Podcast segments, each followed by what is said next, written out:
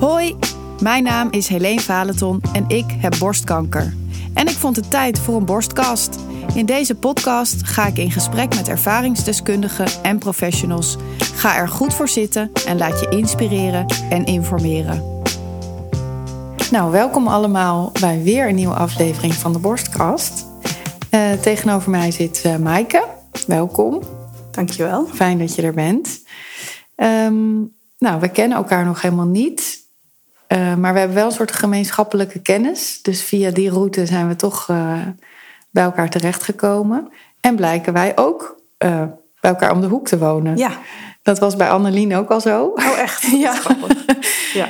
Ik was hier in twee minuten. Ja, het was echt heel dichtbij je. Um, zou je jezelf eerst even voor willen stellen wie, wie je bent? Ja, ik ben Maaike. Ik ben uh, 42 jaar. Sinds zondag. Gefeliciteerd nog. Dankjewel. um, ik woon uh, in Amersfoort met mijn man. Oké. Okay. En ja, dat is het eigenlijk wel. Ja, nou, goed dat je er bent. Nou ja, we zijn in een podcast over borstkanker. Dus we weten inmiddels ook dat jij borstkanker hebt gehad. En waar ik dan als eerste altijd benieuwd naar ben, is hoe je erachter kwam dat je borstkanker bleek te hebben. Wil je dat vertellen? Ja, dat weet ik echt nog heel goed. Um, ik uh, was 31 en dus dat is uh, ruim tien jaar geleden. En ik stond onder de douche en ik voelde ineens een heel klein knobbeltje. Eigenlijk ja, zo simpel als dat. Mm -hmm. um, ik had wel, mijn, mijn oma is jong overleden aan borstkanker, dus van daaruit checkte ik mezelf wel af en toe. Mm -hmm. En uh, ik, dacht, ik dacht altijd, ja, wat, wat voel je dan?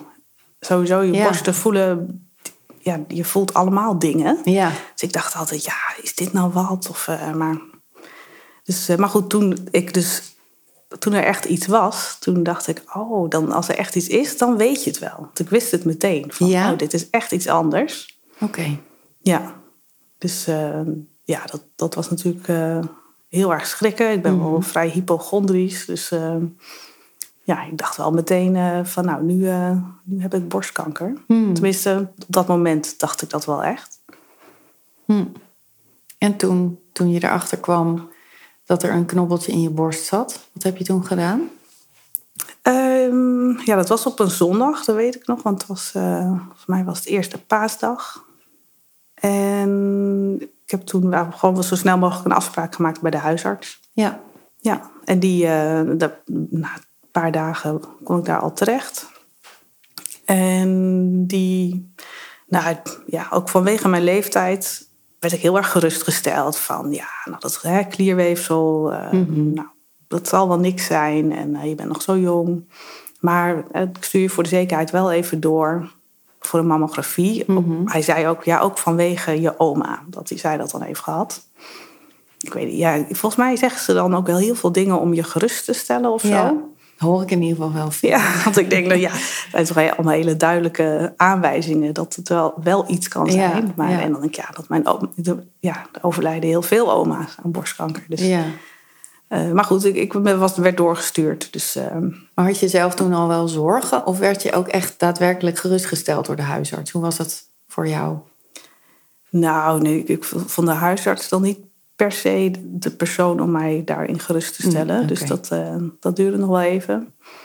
Dus uh, ik kon heel snel dan ook in het ziekenhuis terecht. Volgens mij nog twee dagen later.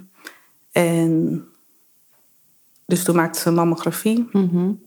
En daaruit... Uh, denk, hoe ging dat nou? Ja, dat is dus wel wat langer geleden. Ik geloof dat je tegenwoordig in het ziekenhuis binnen één dag de uitslag hebt. Maar toen was het nog van, nou, je maakt een foto... En uit die foto zagen ze wel dat het, nou ja, was wel wat reden voor verder onderzoek. Mm -hmm. En uh, dus toen ging een, een, arts, die ging mij dan, of de borstchirurg, die ging mij nog verder onderzoeken. En die, die heeft mij toen wel heel erg gerustgesteld. Die zei, uh, het was dus heel klein. Ze zagen een, een, een plekje van 7 millimeter. Tenminste, dat weet ik van later, dat het 7 ja. millimeter was. Ja. En dan zeiden ze van, ja, nee, dat, hij had het echt de hele tijd over dat kleine ertje. ja, dus dat, dat soort dingen blijf je natuurlijk heel erg bij. Ja. Van, oh, dat kleine ertje, nee, dat uh, komt helemaal goed en uh, maak je geen zorgen. En, uh, nou, we gaan nog wel even een punctie doen. Dus dat, eh, dat volgde nog wel. Mhm. En eh, nou, dat kon dan over een week of zo. En ik, ik was al heel... Ze hadden er allemaal geen haast mee. Nee, en ik had helemaal stress. En ik dacht echt, ja, maar ik, oh, die stress, daar kan ik niet meer omgaan. Dus, ehm, nou, en ik heb, ik heb zelf een, eh, ik heb een bipolaire stoornis. Dat is een eh, psychiatrische aandoening. Eh, wat op zich heel goed gaat. Maar dat ik dan echt dacht van, ja, die stress, dat moet ik niet gebruiken. Want dan, dan gaat het niet goed. Dus die heb, ik ook ingezet van, nee. Ja, dat doe je dan. Ja. Dus, nou, die, dus toen kon die punctie wel meteen. Oké. Oh. Ja. Ja. Nou ja, dus ik geloof ook dat ik eigenlijk eer, voor die punctie eerst naar die arts moest. Dat, ik weet, de volgorde weet ik niet meer precies. Oké. Dus, eh, maar toen moest ik na de punctie dus wel eh, vijf dagen wachten voor de uitslag. Ja. Nou ja, en toen zakte langzaamaan die angst wel een beetje. En eh, nou, na vijf dagen, toen eh, dacht ik ook van dat... eh, ehm, ja, dat kleine ertje werd dus echt een klein ertje. Dat ik dacht, nou, dat is dus niks. En eh, nou, iemand had gezegd van ja, ik zou voor die uitslag toch maar wel iemand meenemen. Want je Dus, was eh, alleen naar die eh, andere onderzoeken gegaan. Ja. Naar mammogram en zo. Ja. ja, en toen werd het toch wat spannend met die punctie. Dus toen Ja. had ik mijn moeder gebeld. Van, eh, dus die, die was toen naar het ziekenhuis gekomen. Oké. Want dat was wel op dezelfde dag toen. De punctie wel. Ja. en die uitslag volgde toen vijf dagen later. Ja. En toen dacht ik, nou laat ik dan toch voor de zekerheid ook mijn moeder maar meenemen. Want mijn man die moest werken. En het leek allemaal heel onschuldig. Ja. Dus, eh, ja. En, eh, maar goed, dus toen eh, die, die arts was op vakantie. Dus er was, kwam een andere arts. En ik weet het nog heel goed, die ging echt zo, zo zitten op een witte prullenbak. Dat ik dacht, waarom gaat hij nou op die prullenbak zitten? En ik keek heel ernstig. Oké. Ja. En hij keek zo heel ernstig en hij zei echt zo... eh, ja, het is niet goed. Hmm. Dat, eh, maar ja, dat drong eigenlijk nog steeds niet zo tot mij door. Want ik dacht alleen maar van ja, het is niet goed. Maar wat is dat dan nou eigenlijk? Ja, Dus wat daar- zeg je nou eigenlijk? Ja, hij zei wel vrij snel van eh, dus, nou, wat ze dan hadden gevonden. En, en, en dat ik, en ook echt zo heel duidelijk van, nou ja, nou, u heeft eh, borstkanker. Hm. Ja, maar dat heeft best wel eventjes geduurd voordat dat eh, ook echt was Lang, doorgedrongen. zeg maar, gedrongen. ja. Ja. Dus eh, ik vond het ook allemaal een beetje overdreven. Want er kwam, dat klinkt dan nu heel gek, maar goed, ik, eh, ik dacht ja, dat, ik zat nog steeds met dat kleine ertje in mijn Ja, hoofd. want die eerste chirurg die maakte zich helemaal geen zorgen. Nee, precies. En, en nou ja, er komt dan meteen zo'n mamacare verpleegkundige bij. Ja. En die, die nam ons dan mee en die ging allemaal van alles uitleggen. En ik moest mijn man natuurlijk bellen en vertellen eh, ja, dat, ik, dat ik dus blijkbaar borstkanker had.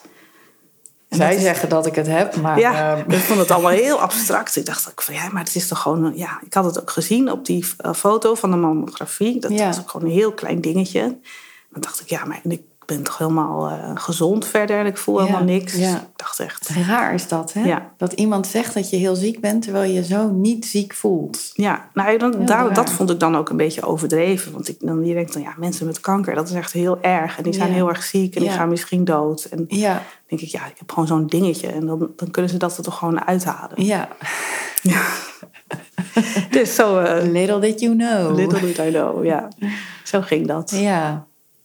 En toen? Nou, en toen, ja, dat dan toch een beetje een soort start van een. Nou, het was niet echt een rollercoaster. Maar wel een hele intensieve periode, wat denk ik wel drie weken duurde.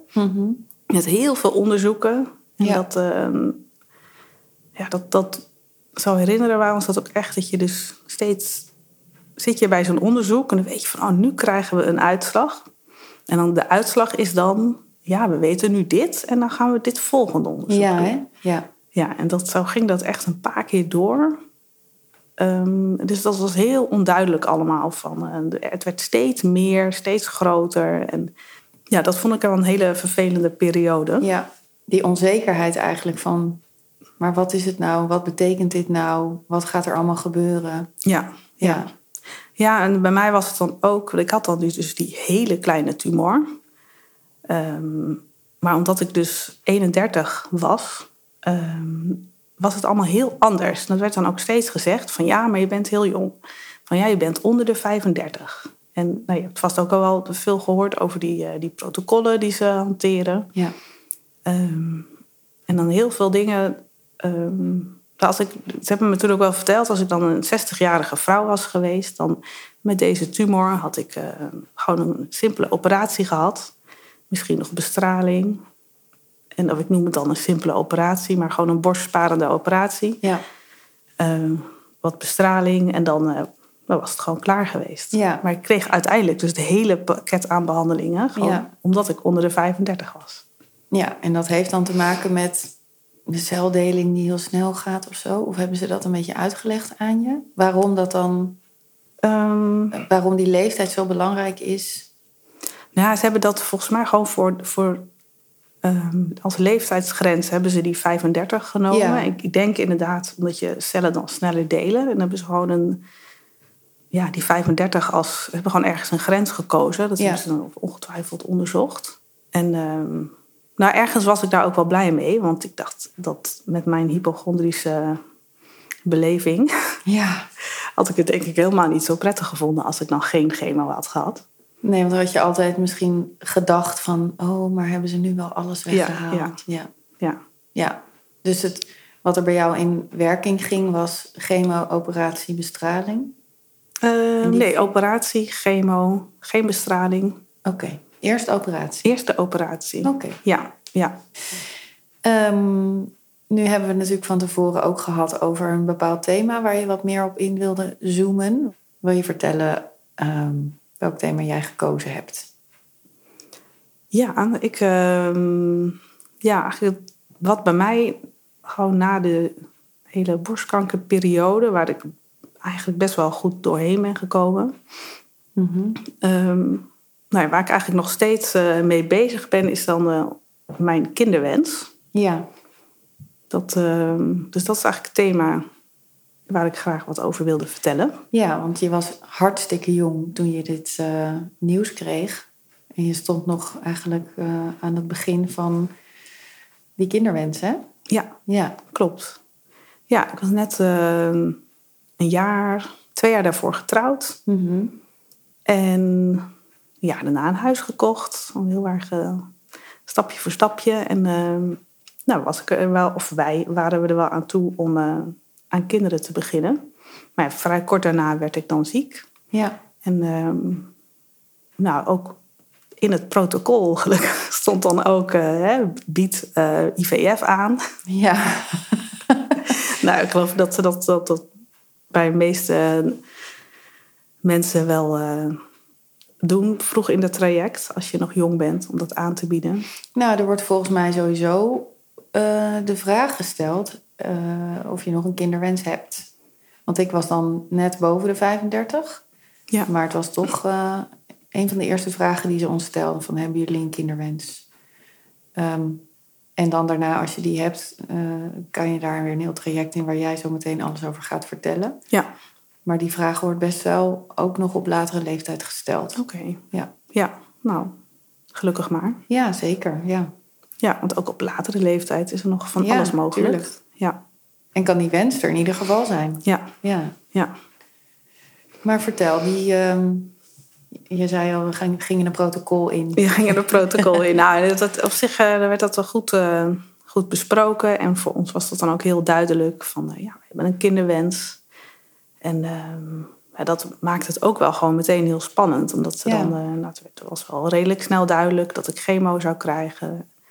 En ook toen dan de kenmerken van de tumor bekend waren. Nou, hormoongevoelig. Dat ze Mhm. zeiden, ja, dan ga je toch eh, vijf jaar hormoontherapie krijgen.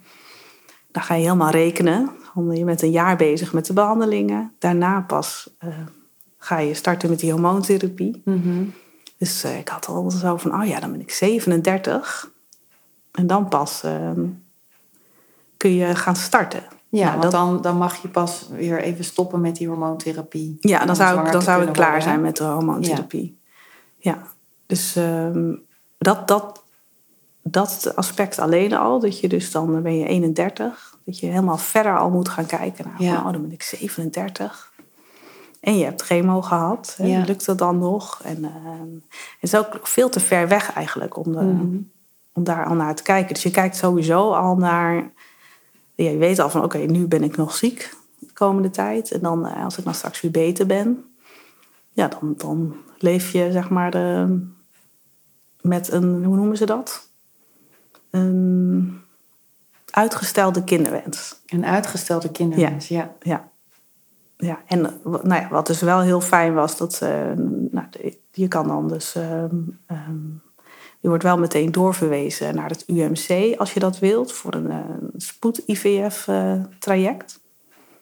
Ehm, en wij, wij wilden dat wel. En dan kun je dus al eh, eicellen in laten vriezen of eh, embryo's in laten vriezen. Ehm, maar dat moet dan allemaal heel snel. Kun je zelfs embryo's in laten vriezen? Ja, ja, dat bij voorkeur. Oh, Ja. Dus als je een stabiele relatie hebt, Ja, dan eh, is dat in principe wel wat wordt aangeraden. oké. Ja, want eh, nou op zich nu, eicellen invriezen, dat, eh, ja, ik ben daar nu ook helemaal een deskundige op. Maar ik Ja. er niet te veel over uitweiden. maar in die tijd, of tien jaar geleden, dat eicellen invriezen, deden ze echt nog maar één of twee jaar. En dan ook eigenlijk alleen maar in, in zo'n zo'n traject van dat je ziek bent. Ja, dus dat is eigenlijk best wel een nieuwe techniek. Ja, ja, ja. Dus ehm, ik geloof dat je dat ook wel commercieel kunt doen. Als je voor jezelf denkt, eh, Ja, nou, ik wil mijn eicellen veilig stellen, dan, Ja. eh, maar dan moet, dan moet je dat zelf betalen. Dus in Ja. ziekenhuizen doen ze dat alleen maar de, op medische basis Precies, eigenlijk, op hè? medische basis. Ja.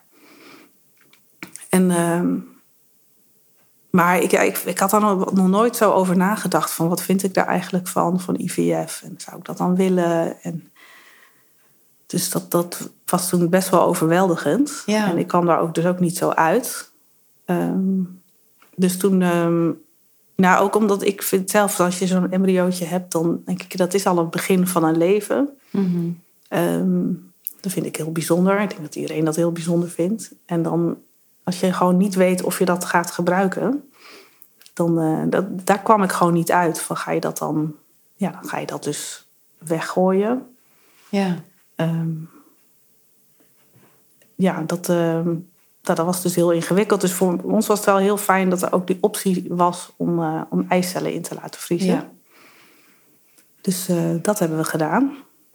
Nou, zoals ik net vertelde over die, over die operaties die ik heb gehad. Ik had dus die eerste operatie, die poortwachtersklier gedaan. Toen kon ik daarna beginnen met... nee, daarna kreeg ik de grote operatie van de amputatie. Dan had ik dus al mijn IVF-medicatie mee. Want ik zou bijna ongesteld worden. En dan begin je dus eh, die hormonen te prikken. Mhm. Ehm, Dat moet je zelf doen, toch? ja, dat moet je zelf doen. Ja. En, ehm, maar ik, die operatie was dus niet helemaal goed gegaan. Ik moest dus nog een keer geopereerd worden. Dus tussen die twee operaties door heb ik dus al die, eh, dat traject gedaan. Met het hormonen prikken Oh, en steeds naar het ziekenhuis. En die echo's. En Want even voor, eh, ook voor de luisteraar. ehm, is het zo dat die hormonen, die moet je zelf spuiten... omdat die dan je eierstokken heel hard aan het werk laten gaan... om extra veel eicellen ja, ehm, klopt. te kweken of zo? Ja, en je hebt... ehm, nou, eh, alle vrouwen hebben twee eierstokken, in principe. Ja. En per eierstok kunnen er gewoon heel veel eiblaasjes gaan groeien. En in Ja. een eiblaasje zit dan een eitje. Normaal gesproken groeien er per maand één of twee eiblaasjes. Ja. En onder invloed van die hormonen, wat jij al zei, ehm, gaan er dan heel veel eiblaasjes groeien. En ja, als dat, met, als dat heel goed gaat, dan kun je dus wel eh, tot twintig of meer eitjes eh, uit je lichaam halen. Ja. Als je nog heel jong bent. Hoe ouder je wordt, ja, hoe moeilijker hoe, hoe minder dat dan is. Ja. Ja. en bij mij ging dat dus wel heel goed. Dat bleek ook uit de controles. Er groeiden heel veel eiblaasjes aan beide kanten. En, ehm, maar ja, toen was het wel even spannend. Want de dag van die, die hersteloperatie die ik had... om dat reepje huid nog weg te halen... Mhm. was ik eigenlijk ook al klaar voor de punctie. Dus ik had dan de, uiteindelijk was het was heel... En Het kwam allemaal bij elkaar. Het kwam allemaal bij elkaar. En ze wisten niet of ik dan nog moest, in het ziekenhuis moest blijven. ehm, na die operatie. Maar nou, dus er was helemaal sprake van, eh, ja, nou, ja, als dat zo is, dan eh, ga je wel met de ambulance van het ziekenhuis in Amersfoort eh, naar het ziekenhuis in Utrecht. En de, nou, uiteindelijk viel die operatie heel erg mee. Want die operatie, je borstoperatie was in eh, Amersfoort. Ja, Maar dat ehm, weghalen of ja, noemen ze dat oogsten van, dat heb ik wel eens gehoord, het oogsten het van die. oogsten van, vind nou, ja, ze noemen dat een eicelpunctie. Oké, ik weet Ja. niet waar ik dat oogsten vandaan heb gehaald. Ja. Maar dat moest in het UMC, dat kon niet in eh, het UMC Utrecht. Kon niet Nou, toen Amersfoort. was sowieso de fertiliteitsafdeling in het Meander ziekenhuis in Amersfoort was nog, nog helemaal niet zo Oh, oké. ver. Nee. Dus, ehm, en sowieso zo'n medisch, tra- medisch traject voor IVF, dat doen ze dan alleen in het UMC. Oké, ja. Ja, dus daar ben ik nu ook altijd nog onder behandeling. ja. Dus, eh, maar uiteindelijk mocht ik wel gewoon naar huis. En eh, kon ik dus de volgende ochtend, had ik die eicelpunctie. Mhm. Ja, het is heel, ik weet niet hoe dat dan gaat. Ik ben dan toch een beetje nuchter of zo. Ik dacht dan altijd van, nou, het komt dan allemaal wel goed. En dan ga ik nu eerst hierheen. En uiteindelijk vond het dan ergens, had het ook wel iets van, het komt al, ja, ik krijg dit wel voor elkaar of zo. Oh ja. En eh, ik, ja, ik liet het een beetje zo over me heen komen. En eh, het ging ook heel goed met dat IVF-traject. Eh, ik ben ook helemaal niet zo bang voor naalden. Dus er zijn ook van die dingen waar je dan lekker controle over kan hebben. En ik dacht, ah, dit, dit doen we gewoon wel even. ja. Dus, eh, maar dat is natuurlijk wel heel absurd dat je dat zo op twee dagen Ja. achter elkaar hebt. Ja. En uiteindelijk was die, die eicelpunctie is denk ik wel het meest vreselijke wat ik dan in mijn hele traject eh, heb meegemaakt. En wat was er Dus, eh, vreselijk aan? Ja, het is gewoon heel erg pijnlijk. Mm. Bij mij, hè. Ik heb ook heel veel verhalen gehoord eh, van nou, het valt heel erg mee. En, Ja. maar eh, ik vond dat dan wel heel erg pijnlijk. Ook omdat ze dan, als je dan, ik had uiteindelijk 21 eitjes. Mhm. Nee, nou, nou ik. 19 eitjes hadden ze aangeprikt. Of 19 ei, eiblaasjes. Ja. En eh, nou, dan, dan prikken ze dus 19 keer. Ja. En dat, nou, dat is wel heftig. En dat voel je, elke, elke prik voel je. Zeg Ja. maar. ja. Ja, en er is ook een heel verschil. In Nederland doe je dat gewoon... eh, je krijgt een heel klein beetje, beetje morfine toegediend tijdens het prikken. En dat is het dan. Ik geloof in Amerika, in andere, land, in andere landen is het altijd onder narcose. Oh ja. Ja. ja. In Nederland zeggen ze niet zo piepen, gewoon hup. Gewoon, eh, ja, ja, narcose is natuurlijk ook niet fijn. Ja, Ja. het is gewoon ook heel anders, gewoon per land. En ja. weet je, daarna is het ook, heb je het ook gehad. Dan. ja. Ja. Dus, en dat was dus heel goed gegaan. Ze hadden 19 eitjes. En er waren er 13 eh, goed genoeg om in te vriezen. Oké. Ja, dus dat heb je dan. Ja. 13 eitjes. En toen moest je nog eh, een, een heel ander medisch traject, namelijk eh, chemo. Ja. En dus nog meer operaties daarna Ja, ondergaan. maar nog één operatie. Nog één operatie. Ja, dus eerst dan, ja, toen begon voor mij pas dat hele chemotraject. Ja. En ja, want dat is als je dan kijkt naar die vruchtbaarheidsbehandeling. ehm, en die hele periode totdat je 37 bent, dan het enige wat je kunt doen is die hele korte fase van, wat was het, 2,5 week dat je die spoed-IVF doet. Ja. En daarna, ja, je weet dat je, dat je 13 eitjes in de vriezer hebt. Ja. Maar dan moet je het echt laten rusten Ja. ook, hè? Ja. Ja, nou wat mijn man deed, dat, dat, dat vond ik eigenlijk wel heel leuk. Dan, dan, nou, je rijdt natuurlijk wel regelmatig van Amersfoort naar Utrecht. En dan Ja. op de snelweg, dan kom je zo langs het UMC. Dan zei hij altijd, kom even zwaaien naar je eitjes. Oh ja. Wat leuk. Ja. Nou, dan komt het toch weer even een beetje dichtbij. Ja. Want Ja. hoe heb je verder die periode ervaren? Dat je, want je moet dan je kinderwens, dat net zei je uitgestelde kinderwens, maar die moet je dus, ja, hoe- heb je dat gedaan? Ja, eigenlijk is dat een beetje, ehm, ja, een beetje gegaan hoe het is gegaan. En we hebben daar niet echt over nagedacht. Van, eh, we moeten een plan maken. eh. Maar wat heel fijn was, of wat, het was ook heel dubbel. ehm, in, nou ja, ik denk dat heel veel mensen dat wel herkennen. Als je dan zelf geen kinderen kunt krijgen, mensen om je heen krijgen wel kinderen. Ja. En dat kan natuurlijk heel lastig zijn. En dat, Ja. vond, ik dat vond ik ook vaak wel heel erg lastig. Ja. Maar nou ik heb, we hebben best wel een paar echt eh, vrienden die heel dicht bij ons staan. En die kregen ook kinderen. Mhm. En uiteindelijk is het wel zo gegaan dat zij hun kinderen heel veel met ons hebben gedeeld. Oh, mooi. En ehm, nou ja, dat ik gewoon... Ik heb natuurlijk, natuurlijk wel heel erg een behoefte om ook voor kindjes te zorgen. Ja. En ehm, nou, dus zo zijn er een paar kinderen in onze omgeving... eh, die veel bij ons hebben gelogeerd. Die echt kind aan huis zijn. Ehm, dat, ehm, ja, waar we dan ook heel erg eh, betrokken worden En een band mee opbouwt. ja. ja. ja, die ook gewoon heel graag bij ons thuis zijn. En eh, ja, zo, dat heeft mij wel heel erg geholpen. Dat Ja. je dus echt inderdaad die band hebt met, eh, met zo'n kind. Dat, ik, eh, nou ja, ook heel, nou met vriendinnen kun je dat sowieso hebben. Dat je ook foto's deelt. En, dan, Ja, zeker. eh, en ook op mijn werk is het altijd, is altijd wel foto's te laten zien van mijn oppaskinderen. Oh, en ja. daar praat ik graag over.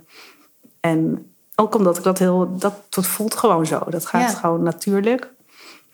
En dat helpt ook weer heel erg als je dan eh, geen kinderen hebt. Dan, dan er zijn heel veel momenten, eh, ook met mensen die je minder goed kent, dat het dan gaat over de, ja, gewoon verhalen over kinderen. En al mijn kinderen dit, mijn kinderen dat. En nou, te pas en te onpas vertel ik dingen over mijn oppaskinderen.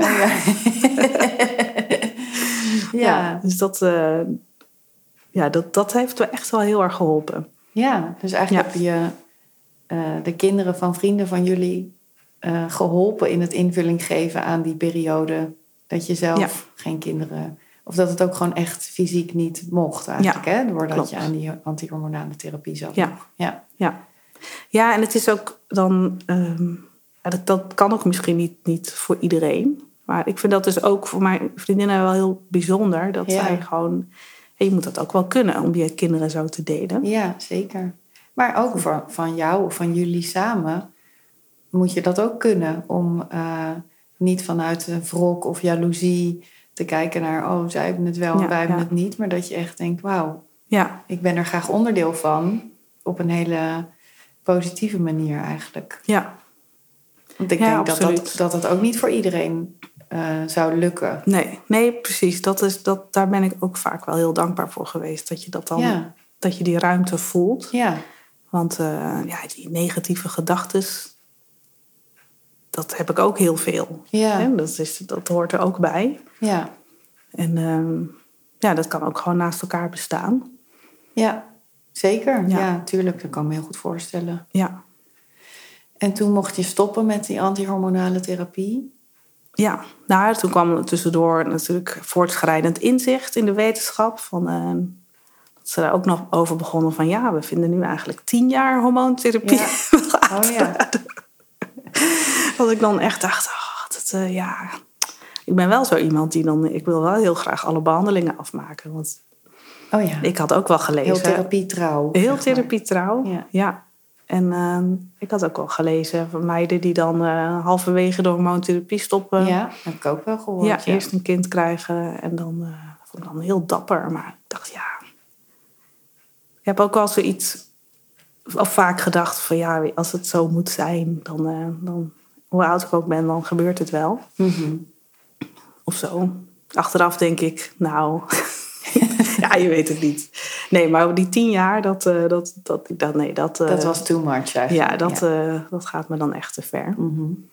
Ja, ik had ook, omdat ik dus vrij jong aan de hormoontherapie begon. Het is niet altijd dat je door die hormoontherapie, dat je cyclus helemaal stopt. Mm-hmm. Dus ik was ook vrij snel ook wel weer ongesteld geworden. Mm-hmm. Ondanks die hormoontherapie. Dus de tamoxifen slikte ik dan. Oké. Okay. Dus ik kreeg ook nog een extra hormoononderdrukker. Um, Want als je menstruatie toch nog doorgaat, betekent dat eigenlijk dat het te weinig effect heeft? Ja, of, okay. of te weinig effect. Uh, nou, dat er... zou ik niet precies durven te zeggen. Oh. Maar het is dus wel belangrijk dat je gewoon helemaal, echt helemaal, geen cyclus meer okay, hebt. Ja. Dus dan is het blijkbaar toch nog te veel activiteit. Ja, oké. Okay. En dus dan kreeg ik Zoladex de eerste oh, ja. 2,5 jaar. Zeg je dat wat? Ja, dat krijg ik nu al. Oh, dat krijg je nu al? Ja, al een paar. Ja, dat is een injectie dat in is een heftige buik. prik, hè?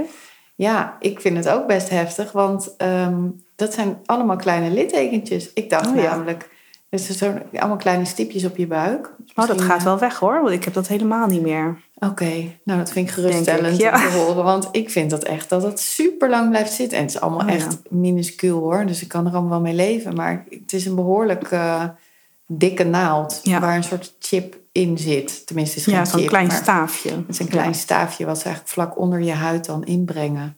En ik moet dat elke vier weken. Oh, je Ehm, moet el- oh, ik moest elke drie maanden. oh ja, Oh, wat grappig. Ja, Wat verschillend ook weer, hè? ja. Nee, ik eigenlijk vanaf, volgens mij al voor de chemo, dat de chemo startte of vlak daarna. In ieder geval echt heel erg aan het begin moest ik die injectie al. eh, en nu komen ze dat thuis doen. Elke vier weken komt er een verpleegkundige en die Oh, eh, geeft mij die injectie. En Ja. dan ehm, zie ik ze daarna niet meer. Dus ik, en, en de oncoloog heeft aan mij verteld dat dat al een heel groot deel is van de antihormonale therapie.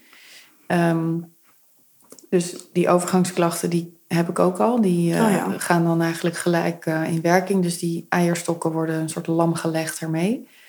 En als ik klaar ben met het hele chemotraject, dan moet ik ook pillen erbij slikken. Of pillen, een pil is Een dat. pilletje, ja. Ja, en ik weet niet, want jij zei net Tamoxifen. tamoxifen en je hebt nog een andere. Ja, En- hebt twee, twee varianten. Ja. Er is nog een verschil of je zelf al in de overgang bent. Precies. Of dat je nog in de overgang moet komen. Ja, ja. Ehm, en ik weet even niet meer uit mijn hoofd welke ik dan erbij moet slikken. Maar dat moet ik dan ook. Ze hebben tegen mij gezegd vijf tot zeven jaar. Maar dat zou ook zomaar weer tien jaar kunnen worden. En ik ben natuurlijk, ik ben bijna 37. Dus als je het dan over tien jaar hebt, Ja. Dan ben ik 47. Ja, dan ga je al richting overgang, zeg maar. Dus ik ben benieuwd of het bij mij ooit nog eh, de cyclus terugkomt. Ja. Ik hou eigenlijk rekening ermee met dat dat niet meer gebeurt. Dat is eigenlijk ook heel gek, toch? Het is heel gek, want ehm, dan ben je dus heel jong in de overgang gebracht. Ja. Ja, met alle ongemakken van dien. Ik vind het nogal wat namelijk. Ja. Heb jij er last van gehad, van die ja, zeggen, dan kan ik je wel een beetje te- geruststellen.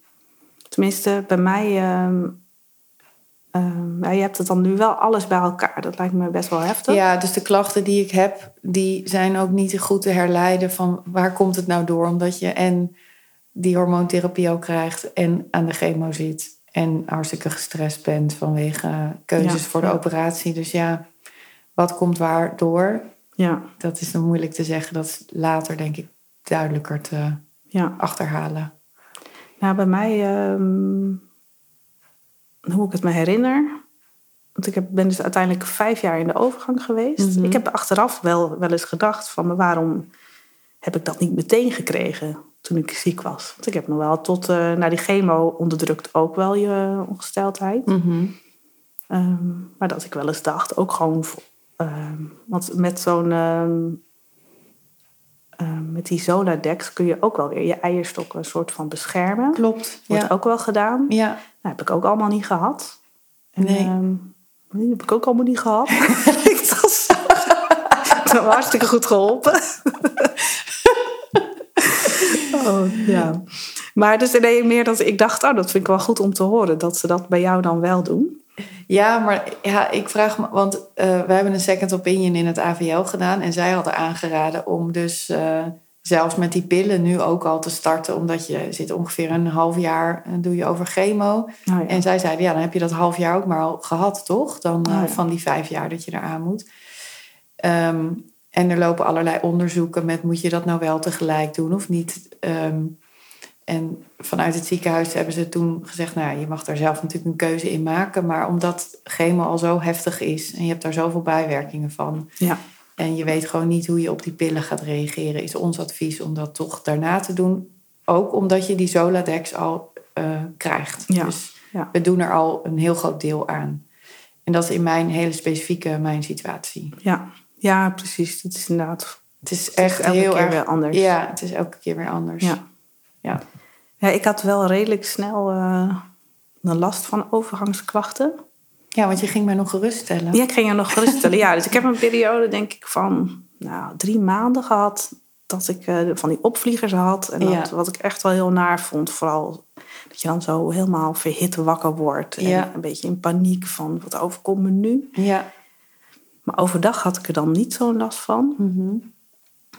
Maar dus dat vond ik het vervelendste. Maar dat ging dus echt na een paar maanden, was dat gewoon helemaal weg. Ja, dat zeggen ze ook tegen mij. Ja.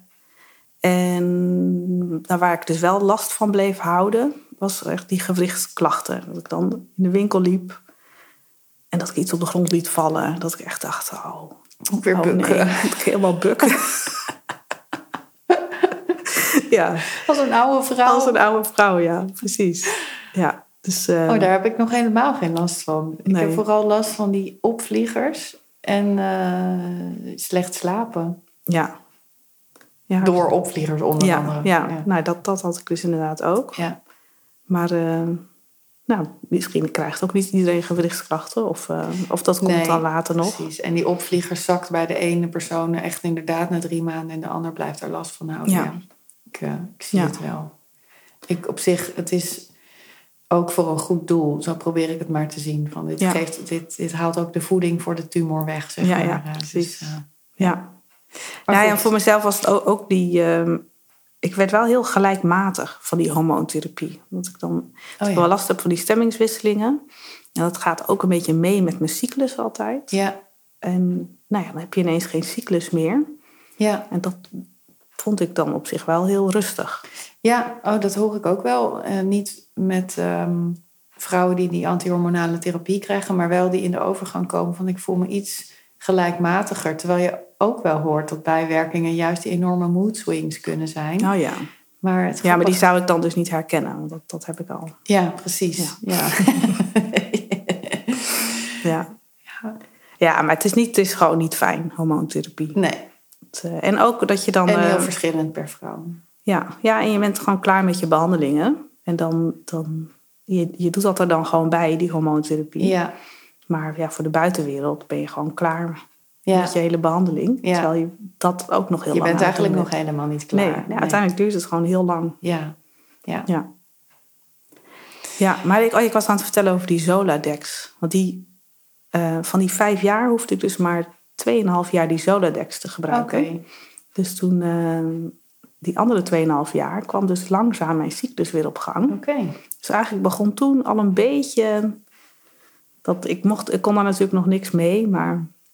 Nou, als je dan toch weer eens ongesteld wordt... En, hè, de volgende keer is dan vier maanden later... maar dan, dan begint je lichaam weer een beetje te herstellen.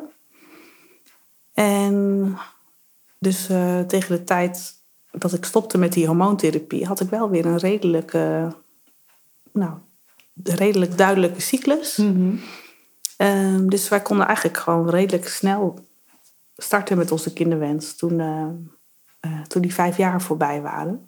Dus je moet dan nog wel eh, volgens mij één maand wachten dat die tamoxifen helemaal uit je lichaam is. Oké, ja.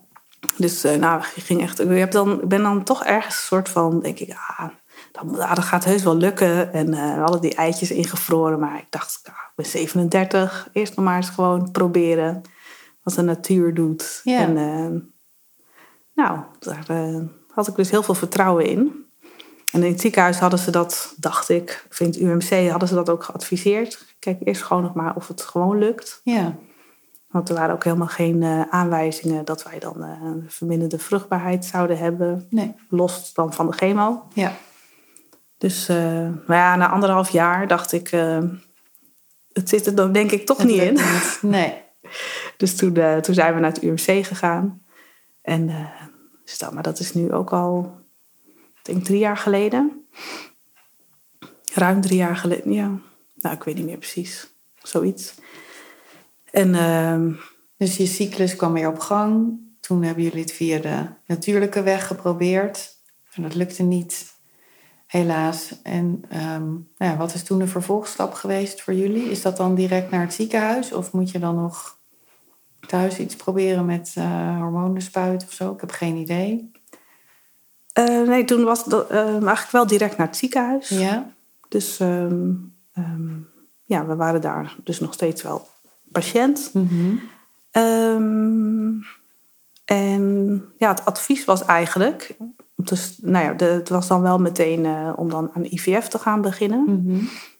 Ehm, ook omdat ik eigenlijk... Je hebt er ook nog zo'n traject dat je... ehm, hoe heet het ook weer? Oh ja, IUI. Ja, oh, daar heeft Jolieke over verteld. Oh ja. Ja, in dat, de eerste eh, aflevering. dat heeft vaak ook nog wel heel goed, uh, goed effect. Mhm. Dat proberen ze vaak eerst. Maar daarvoor eh, ehm, mag je dan weer niet ouder zijn dan 38.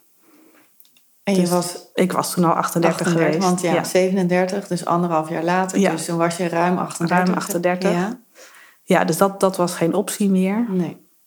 En dus toen, eh, ja, het, het, het ziekenhuis, is, het UMC is dan echt wel weer heel anders als je kijkt naar zo'n fertiliteitstraject. Je vergelijkt het met zo'n borstkankertraject. Dan, dan bij, dan, bij borstkanker ligt er dan zoveel open van ja, je kan dit, je kan dat. En eh, ja, met de Oh, zus, ja. dus dan doen we zo. En, en bij eh, zo'n IVF-traject is het gewoon, ik weet niet, die artsen die zeggen van oké, het is zus, dus we doen zo. Oh ja, ja. En- veel, meer, veel, veel minder eigen keuzes. Ja, nou ook heel wetenschappelijk of zo. Oh, ja, dat ja. is natuurlijk in, bij borstkanker is het ook wetenschappelijk, maar ehm, veel meer gebaseerd op van, nou, de ervaringen bij dit zijn zo. Dus Ja.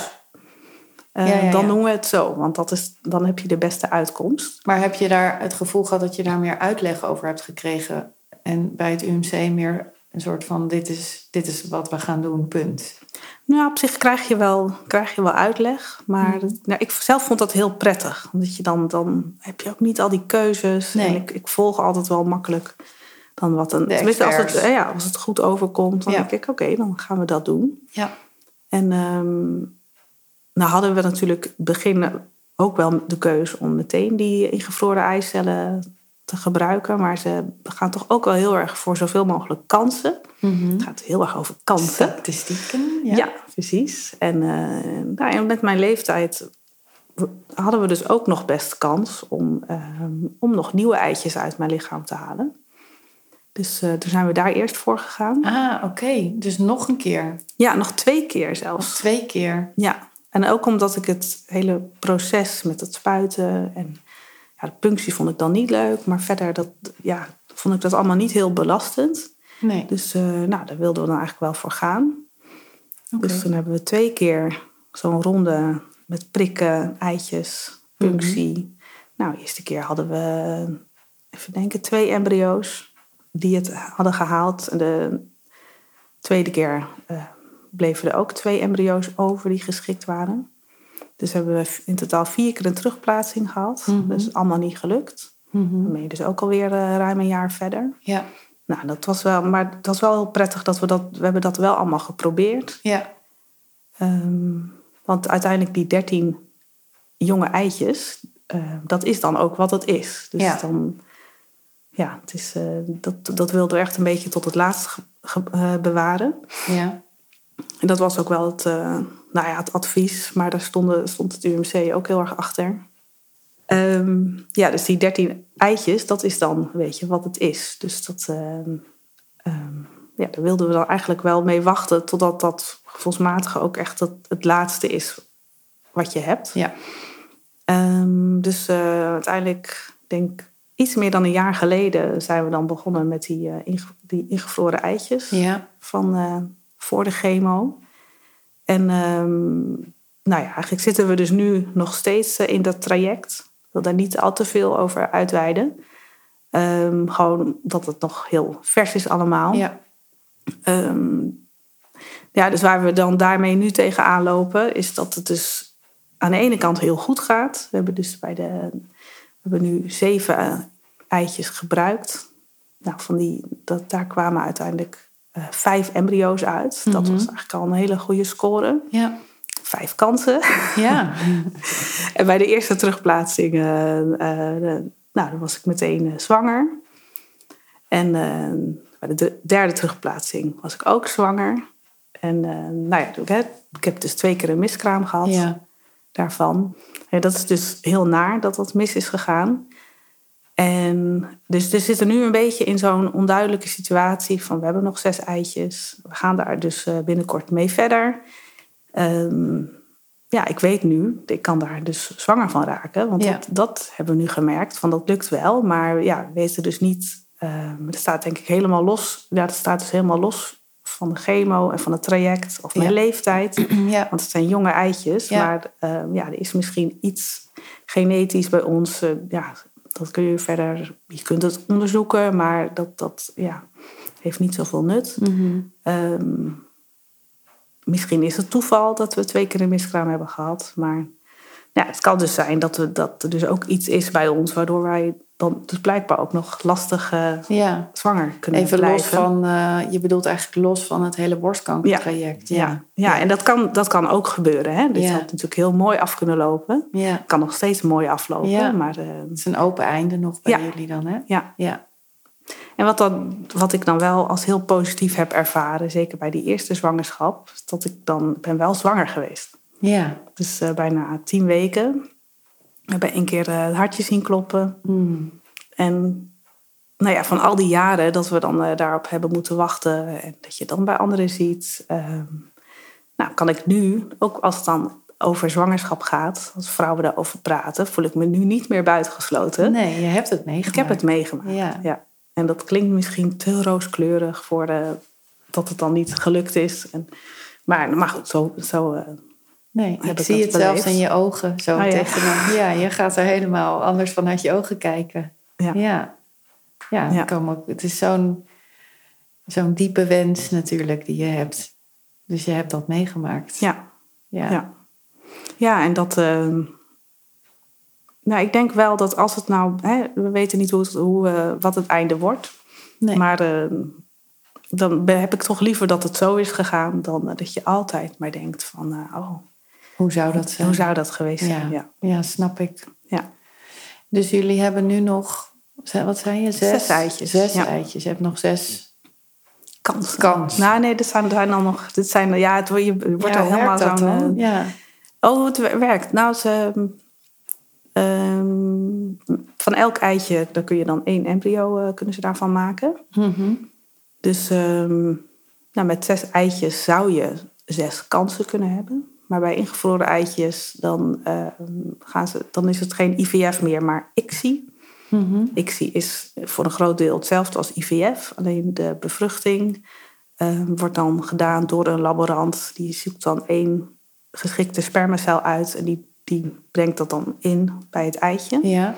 En bij En bij- IVF? Bij gaat het? IVF gaat het, de- wordt het gewoon bij elkaar gebracht. Oké. En dan Is het komt het, is het hopen iets- dat, het, dat ze elkaar vinden? zeg Ja, en dat, meestal gaat dat gewoon goed. Het Mhm. heeft ook wel iets minder risico dan ICSI, denk ik. Dus dat heeft wel de voorkeur. Mhm. Maar ik begreep dus als je eitjes ontdooien, dan lukt die natuurlijke bevruchting niet goed meer. Oké, Dus dan kiezen ze automatisch voor ICSI. oké. Ja. Ja.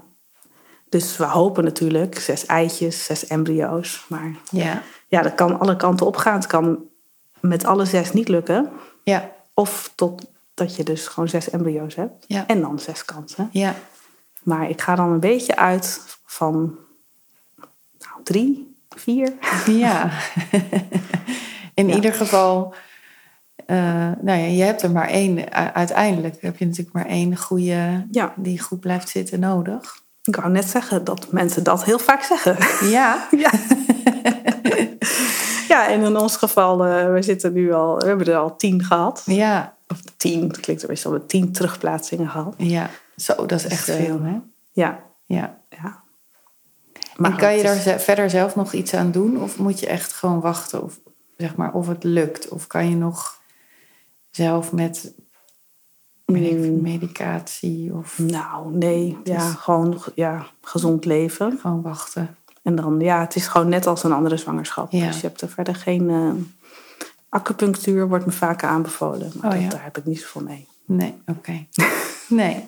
Maar goed, misschien... De, nee, dat, eh, ja, ik denk dan uh, iedereen wordt zwanger. Het is in principe een hele natuurlijke gebeurtenis. Ja. Zwanger worden. Ja. Dus dat... eh, ja, heel vaak ik hoor ook vaak van ja, het moet je maar gegeven worden. En dan, dan denk ik, nou, het, het hoort gewoon zo bij het leven. Het is gewoon, het lukt bij de meeste mensen. Gelukkig maar. Dat is ook heel mooi. Dus het is gewoon helemaal hoe de natuur bedoeld is. Ja. Dus dat, dat, daar ga ik dan ook een beetje van uit.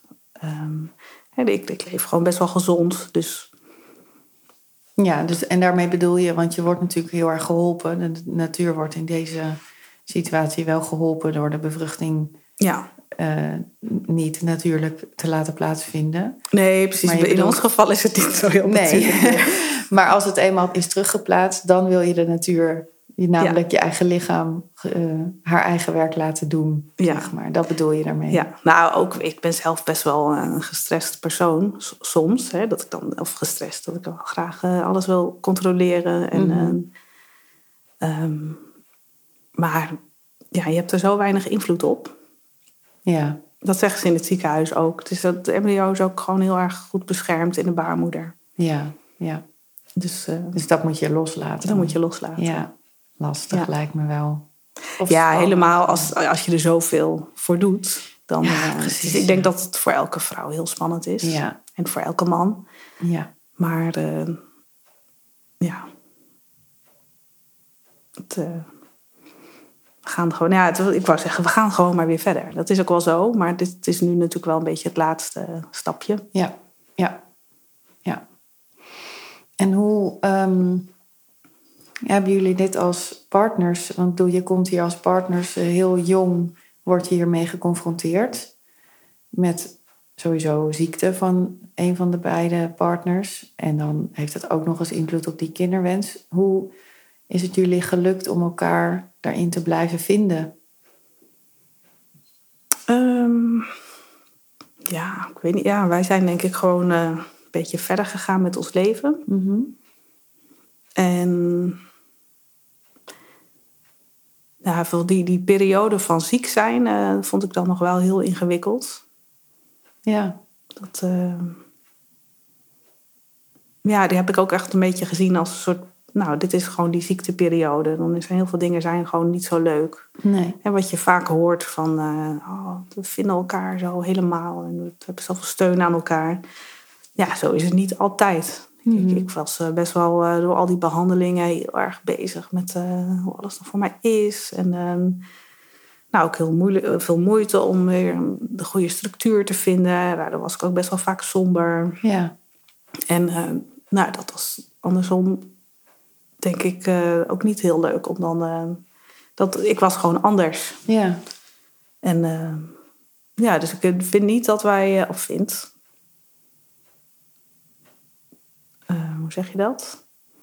Nou, daarna werd het gewoon weer hoe het was, zeg maar. Toen. Ik werd dan weer meer mezelf en dan konden we elkaar weer meer vinden. ja. En eh, ja, ik denk dat heel veel mensen dat wel herkennen. Dat je in zo'n ziekteperiode dan, je moet daar gewoon even doorheen. Ja, het is echt een overleefstand, allebei. En je hebt allebei je eigen proces en een, en een proces samen natuurlijk. Ja. Maar dat is ontzettend zoeken en ingewikkeld. En de een vertelt inderdaad van, nou, we zijn juist heel erg naar elkaar toegegroeid. Ze heeft een hele diepe verbinding eh, eh, bewerkstelligd. Ja, En de ander zegt, ja, we zijn elkaar juist een beetje uit het oog verloren. Of het was wel heel praktisch ja, zorgen dat we gewoon blijven werken en het huishouden blijven doen, bij wijze van spreken. Dus ook heel verschillend per. Ja. ja maar je maakt, je maakt ook heel andere dingen mee. Dus dat herken jij misschien ook wel als je dan, je bent gewoon heel veel thuis. Ja, En, eh, en dan maak je ook niet zoveel mee, maar ergens toch ook weer wel. En, ja, en voor de ander gaat het gewone leven ook een beetje door. ja, Maar dan zit wel je, je partner de hele tijd Ja. thuis. ja, ja, precies. Ja. Ja. ja, het heeft overal invloed op. Ja. Ja. Ehm, tot slot wil ik je nog vragen, omdat ik die eh, vragen ook vanuit alle mensen die dit luisteren krijg. Ehm, die zijn namelijk ook altijd benieuwd naar elke vraag die je stelt, eh, die ik als podcast eh, host nu stel. Waarom geef je daar zelf niet antwoord op? Nu is het in dit interview volgens mij best goed gelukt. Heb ik ook wel wat zelf gedeeld. Ja, ik dacht juist nog van, oh ja, nou ben ik wel, heb ik wel heel veel verteld zelf. Maar dat was ook wel een beetje het idee. Hè? Dat was wel het idee, Ja, ja. ja. ik ging niet hier mijn eigen verhaal zitten vertellen. Maar ik denk wel dat het leuk is dat je, eh, als je alle afleveringen luistert, dan hoor je langzaamaan ook echt wel wat mijn verhaal is. ja. Ehm, maar ik dacht, zijn er nog dingen die je aan mij wil vragen of die je mij mee zou willen geven, eh, die eventueel ook interessant zijn voor andere ehm, luisteraars? Ehm, nou, wat ik, waar ik zelf achteraf wel. ehm, wat ik heel jammer vond tijdens mijn ziekteproces. Mhm. dat ik, dan, ik heb allemaal van die adviezen gekregen aan het begin. waarvan ik dan dacht, ja, dat, dat paste helemaal niet bij mij. Zo ehm, kreeg ik bijvoorbeeld dan het advies van, nou, dat, dat herken jij denk ik ook, hè? doe lekker rustig aan. Ja. Maar ik, dan ga ik dus heel rustig aan doen. Dus ik heb heel veel op de bank gezeten, tv gekeken. En daarbij kreeg ik van de diëtiste ook het advies van... eh, nee, je moet vooral lekker blijven eten. Dus ik heb heel veel op de bank chocolaatjes zitten eten. en daar ben ik ook best wel veel van aangekomen. Ja. Wat natuurlijk prima is. Maar ehm, terwijl het was een advies van... Hè, want je gaat alleen maar afvallen. Maar ik, ik heb nooit hoeven over eh, overgeven Nee. van de chemo. Ik was nooit echt ziek ervan. Dus eh, ik had juist eh, de, wat meer willen bewegen. Ja. Oh, ja. Of eh, dan toch gewoon af en toe een beetje werken. Of, dus dat jij die podcast maakt, denk ik, nou, supergoed. ja. Alleen al natuurlijk heel leuk dat deze podcast er is. Maar ook gewoon dat je... Als bezigheid. Zeg ja, een super goede bezigheid. Ehm, dus die tip heb je helemaal niet nodig. en gewoon lekker chocolaatjes blijven eten. Ja.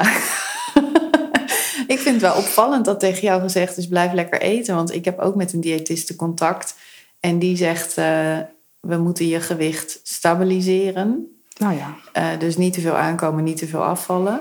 Maar dat moet wel juist in de gaten eh, gehouden worden. Want eh, onder andere door die antihormonale therapie en ook door de chemo die ik nu heb, dat is dan paclitaxel. Ik weet niet of je die Ja. ook hebt gehad. Ja. Daar hou je juist allemaal vocht van vast en kom je eerder van Oh ja, aan en zo. ja. Dus eh, ze zijn bij mij niet geweest van nee, ga lekker eten, want je valt alleen maar af. ja. Maar het is ook weer een goed. andere ja, het is tijd. ook weer tien jaar later. Ja, ja.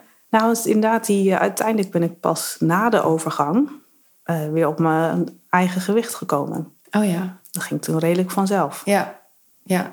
Ja, wat heeft dat toch een effect, hè? Ja, Ja, sowieso je, eh, je lichaamsverandering met al deze behandelingen is echt eh, bizar. ja, Ik herken echt mijn eigen lijf gewoon ja, niet meer terug. Niet zozeer qua hoe het eruit ziet, maar meer hoe het voelt. En eh, het is zo anders. ja. Nou, helemaal door de chemo, hè? Ja, Ja, want dat, dat had ik wel inderdaad. Dat je dan, ik werd er niet ziek van, maar je voelt Nee. je gewoon heel, ja, gewoon raar. ja, het is echt alsof het iemand anders is wat je gewoon niet zo goed kent ook. Ook niet de grenzen ervan. Dus tegen mij is dus ook wel gezegd van be- bewegen is juist belangrijk. Een half uurtje per dag wandelen. En Ja. ook een beetje net als jij, dat ik dan denk, oh, dat moet ik dan, neem ik dan serieus. Dus dan wil ik dat Oh, dan ja. heel erg gaan doen. Nou, heel goed. Ja, maar ook wel, ook wel een beetje too much af en toe, denk ik. Dat ik denk, nee, ik moet nu echt wandelen, want dat is goed voor me. Terwijl je dan eigenlijk te moe bent en dan niet zo goed meer naar je lichaam luistert. Maar als dat lichaam ook zo anders functioneert dan dat je gewend bent, is dat heel erg zoeken, vind Ja, ik. ja. Nou, ik had wel... Mijn vader, die, eh, die, is, eh, die is hardlooptrainer. Dus die nam mij af en toe mee. Ah. Die had zoiets van, nee, dat is goed voor je. Ja. gingen we samen hardlopen. Oh, dus ja. dat was de beweging die ik nog heb gehad in die periode. Maar dat was niet zo vaak. Of Nee. niet zo vaak, maar eh, dat was een beetje op het eind. Ja. Maar ik heb dat later wel gelezen. Dat als je tijdens je chemo wel gewoon regelmatig beweegt... dat het echt goed is voor je herstel. ja, zeker. Er komt nog een aflevering met een fysiotherapeut. Die heb ik al eh, opgenomen. Oh ja, En zij gaat er eigenlijk heel uitgebreid over vertellen. Over hoe, eh, ja, hoe fitter je bent en blijft tijdens chemo. Hoe, hoe beter je herstelt. En hoe Ja. beter je er doorheen komt ook. Juist niet alleen met bewegen, maar zelfs met een beetje trainen. Dat je gewoon Ja. echt de sportschool ingaat. Of thuis kan natuurlijk ook. Maar ja, dus ik doe mijn Mooi. best. Ja, goed zo. maar dat is een goede tip voor iedereen. Dus blijf in beweging. Ja, nou ook als dat bij je past. Hè. Kijk, als je dan van jezelf natuurlijk gewoon al heel actief bent. Ja, Maar ik, ik, eh, ik, ik had dat wel, eigenlijk wel nodig gehad. Ja. Ja, ja. Ja, dus het is ook een tip aan de professionals misschien om dat eens naar op door te vragen van wie heb ik tegenover Ja. me en is het iemand die juist eh, een beetje afgeremd moet worden, want die gaat het te hard en daar moet je misschien wat meer tegen zeggen van nou, het is belangrijk om rustig aan te doen, of is het iemand die ehm, Die veel, juist eh, geactiveerd moet worden, zeg maar. Ja, zeg, Dat, heb je nog eh, goede Netflix-tips voor me? Nou, als je dan zo'n hele rij krijgt, dan oh ja, moet misschien wat meer wandelen. Ja, precies. Ja, ja, dat is wat je zegt, toch per persoon verschillend en wat er nodig is. Ja. Nou ben ik ook echt wel een groot voorstander van eh, jezelf lekker veel rust geven. En, eh, goed voor jezelf zorgen. Ja, ja dat, oh man, die balans is het, eh, heel moeilijk. Met een lijf wat dus heel onbekend voor je is geworden. Ja, Dat vind ik echt moeilijk. Ja. Maar ik neem het weer mee. goed zo. Nou, ik wil je heel erg bedanken voor je verhaal. Het heeft natuurlijk een open eind. En ik denk dat ik namens alle luisteraars spreek als we jullie het aller, aller, aller, aller, allerbeste wensen voor de toekomst. Ja, En eh, Dankjewel. hou ons op de hoogte. zeker. Nou, dankjewel. Ja, en ja, ook heel erg bedankt eh, voor het maken van de podcast. Ik vind het echt eh, superleuk. Graag gedaan. Veel dank voor het luisteren van deze aflevering. In de show notes is meer informatie te vinden over het thema dat we besproken hebben. Laat een berichtje achter in de comments en laat vooral weten wat je ervan vond. En geef deze podcast sterren. Dat helpt ons om meer bekendheid te krijgen. Wil je meer weten over de Borstkast en onze gasten? Volg ons vooral op Instagram en zoek op de Borstkast. Liefs, Helene.